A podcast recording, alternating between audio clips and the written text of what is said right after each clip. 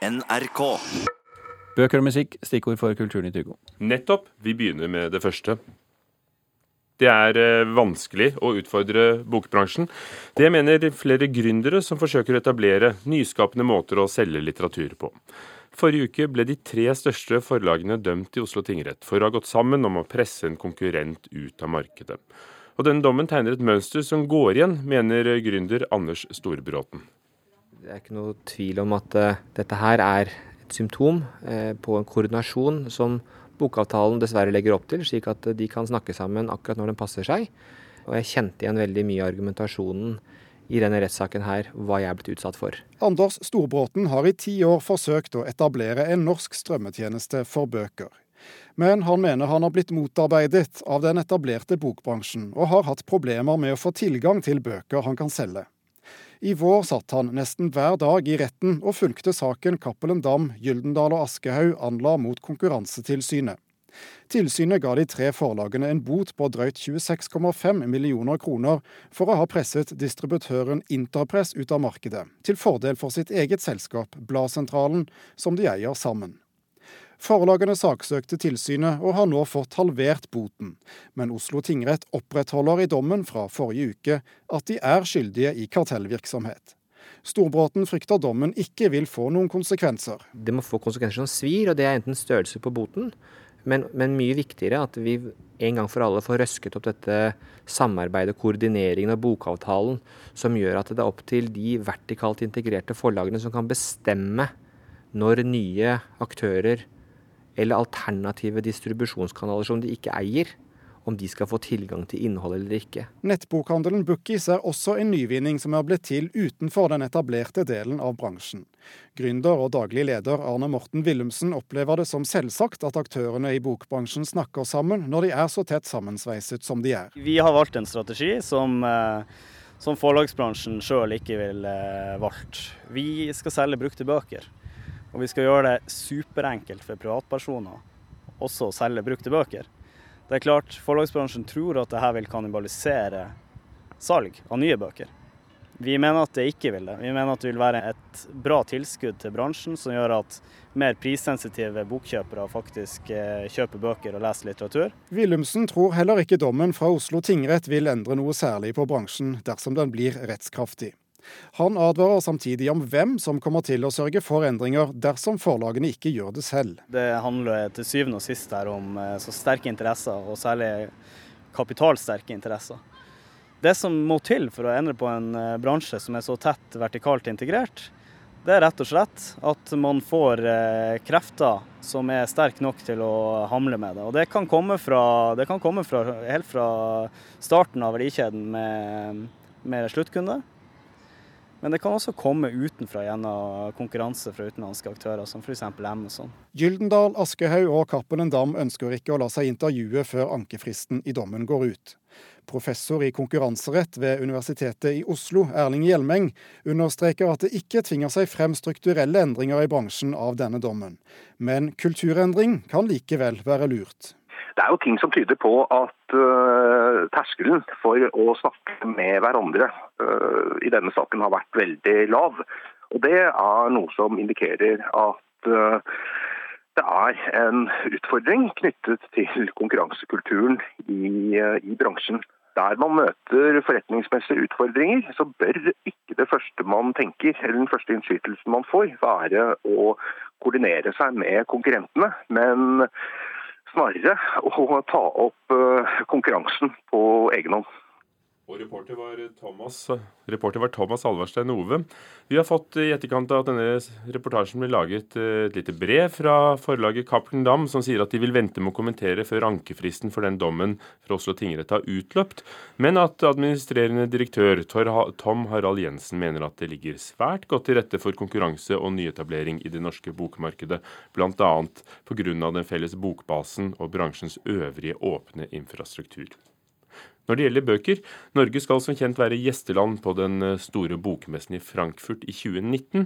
Nå er arkitektene som skal utforme den norske paviljongen, utstillingsvinduet vårt, blitt utpekt, kulturreporter Tone Staude. Ja, blant 66 forslag så var det arkitekten LCLA, som er forkortelse for eh, colombianske Louis Callejas, og svenske Charlotte Hansson, landskap og arkitektur, som trakk det lengste strået. Eh, de har jo kontor i Norge, og, de er også de andre vinnerne. Mantli Kula. Ja, det er et norsk arkitektkontor som er ledet av arkitektene Beate Hølmebakk og Per Tamsen. De står bl.a. bak nasjonale turistveier, du vet disse vakre rasteplassene og utsiktspunktene hvor du kan stoppe og se i Norge. Og sammen har disse to laget eh, forslaget Norge forteller. Og den store hallen er organisert som et galleri, tenkt som en verden av bøker og ideer som representerer det norske, da. Og juryen uttalte at de var svært fascinert av denne ideen, konseptet og beskrivelsen av det vakre landskapet som kombinerte drømmene og det helt konkrete. Så dette høres ut som litt inspirasjon fra nasjonale stoppesteder i Norge. For det er jo det de vil i Frankfurt, løfte frem det norske? Ja, bokmessen i Frankfurt er verdens største litteraturmesse med over 300 000 besøkende. Og hvert år så blir et såkalt gjesteland løftet fram under arrangementet, og i 2019 er det Norges tur. Anledningen til å vise fram norsk kultur har en prislapp på 52 millioner kroner som de får over budsjettet. Takk, reporter Tone Staude. Og norskere enn dette her blir det vel knapt?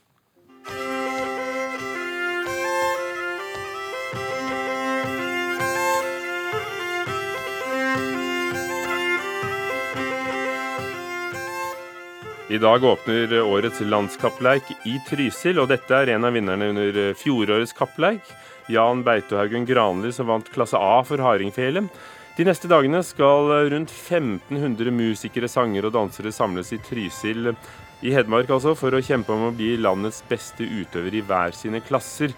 Eh, og så er det tusenvis av folk som kommer for å se på og, og lytte. Reporter Stein Eide, du er jo da en av dem. Hvordan foregår forberedelsene nå på åpningsdagen? Akkurat nå så er det møter som eh, er på Trysil videregående skole. Det er Trysil Knut Dans og Spellemannslag som eh, har det, og det kryr av frivillige her. Som eh, Er du klare nå til å ta imot 5000 Øyvind Kvile? Ja, nå er vi klare. Vi har forberedt oss i to og et halvt år, så det er herlig å komme hit at nå er vi i gang. Du, Landskappleiken har jo lange tradisjoner. Det starta med kappspill i hardingfele. Hva er det i dag? Det er fortsatt kappspill og kappdans og kappsynging. Det er en eh, norgesmesterskap i folkemusikk. Og det er endra seg mye, fordi at nå er hele landet med. Og det er alle feletradisjoner, det er eldre instrument, det er dans og det er sang.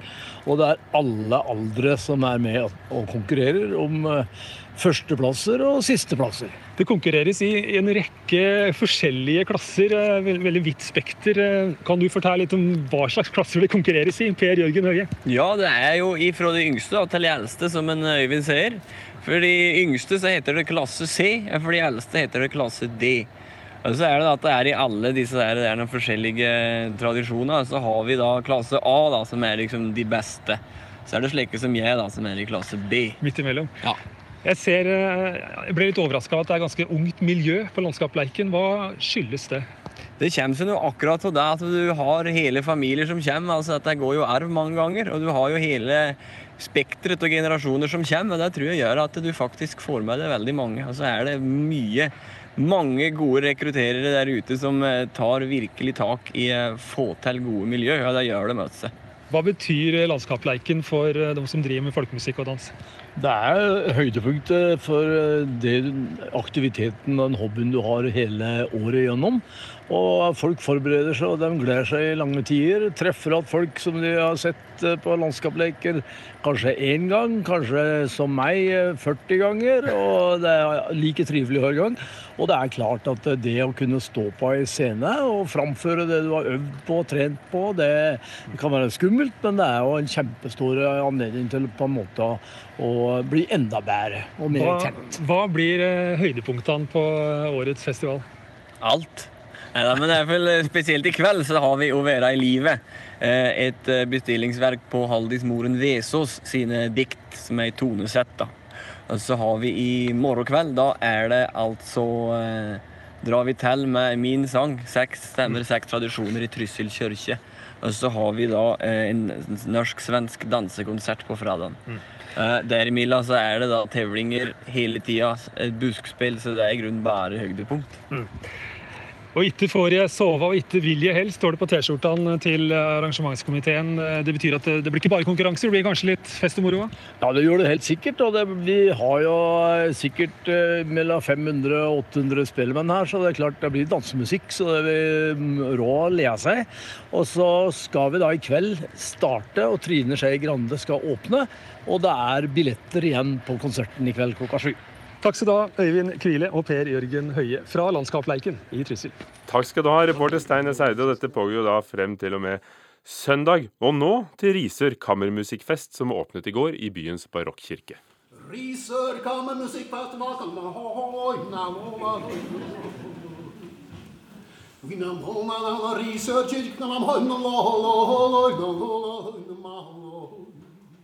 Dette er Frode Fjellheim Kjent joiker bl.a. fra Transjoik. Han slo an tonen for årets kammermusikkfestival Folkemusikk. Her også går som en rød tråd gjennom programmet. Mange av årets musikere var i sving i løpet av konserten. Det gjaldt Christian Eggen, Det Norske Jentekor, den kjente Vertave-kvartetten. Musikkanmelder Øystein Sandvik her fra NRK, med oss fra Risør. Hvordan, hvordan opplevde du dette her? Du, det var en konsert med mange fine øyeblikk. Det var f.eks. jazzpianisten David Gordon som improviserer over Grieg. Det er Tenoren Robin Twitchler som velklingende gir oss ukjente tonesettinger av engelske folkesanger av Beethoven, av alle komponister. Og det er Bertavo sammen med Håvard Gimsted som gir alt i Dvorak, for å nevne noe. Eh, og så er det en konsert som setter tydelig fokus på årets tema, som da er eh, folkemusikk. Men helhetlig sett så blir det en konsert som er litt for lang. Den spriker mye og er, har litt for ujevnt nivå. Men, det er litt ferskt, mye av det vi hører. Det er musikere som ikke er helt varme i trøya ennå. Og det har nok litt med denne sjangeren åpningskonsert å gjøre, som fort blir en, en slags sånn kavalkade hvor det er om å gjøre å vise frem eh, flest mulig av, av musikere som skal komme etter hvert utover i festivalen. En slags trailer for resten av programmet. Da. Men hvis vi ser hele programmet under ett, hva synes du om folkemusikk som tema for årets festival? Du, jeg syns det er et veldig godt tema, men jeg syns det kan problematiseres uh, litt mer. Altså, det er litt pussig i en tid hvor uh, da såkalt kulturell appropriering har blitt et så stort stridstema, jf. Siv Jensens indianerkostyme. Og det har vært mange litt rare innspill i den debatten, men det er i høyeste grad aktuelt også i forbindelse med den vestlige kunstmusikken. Ta f.eks. Borsaks såkalte amerikanske strykekvartett, som står programmet i kveld. Her bruker da komponisten eh, selv både det han kaller neger- og indianermelodier, og at man ikke benytter sjansen til å problematisere dette litt når man først står der og snakker om det. Det fremstår som, som litt uh, lite hands on i forhold til aktuelle debatter. Man kunne ha utnytta den muligheten. Når det er sagt, så var det mange interessante eksempler på bruk av folkemusikk i gårsdagens program, og det fineste var det kanskje norske jentekor som sto for.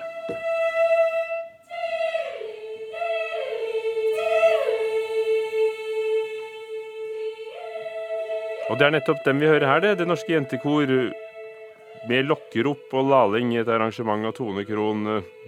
Hvorfor er det fint, syns du? Det blir et veldig forfriskende og sjarmerende innslag eh, i denne konserten. Og dette koret har en helt spesiell, homogen, flott klang. Det er veldig presist, det er veldig på plass. Så jeg ser veldig frem til en konsert nå litt senere i dag, hvor eh, samme ensemble skal fremføre et størreverk av, eh, av Markus Paus. Men ikke alt var like forfriskende i Risør eh, kirke i går kveld? Nei, så som, som sagt, altså Min erfaring er at disse typiske åpningskonsertene hvor alle skal vise seg frem litt, er sjelden der eh, man får de aller største de musikalske eh, høydepunktene. Men derfor er det også kanskje enda mer skuffende, skuffende, at fremførelsen av kveldens eneste større verk også ble en litt ujevn affære. Torsdags andre klaverkvintett med Bertavo strykekvartett og pianist Håvard Gimse. Altså, dette er musikere som har veldig mye på hjertet, eh, og de øyeblikkene hvor de virkelig klaffer, så er det en emosjonell intensitet man sjelden hører. Men det glapp mye underveis, både på intonasjon og, og samspill, så det var en del ting som ikke var helt eh, på plass her, rett og slett.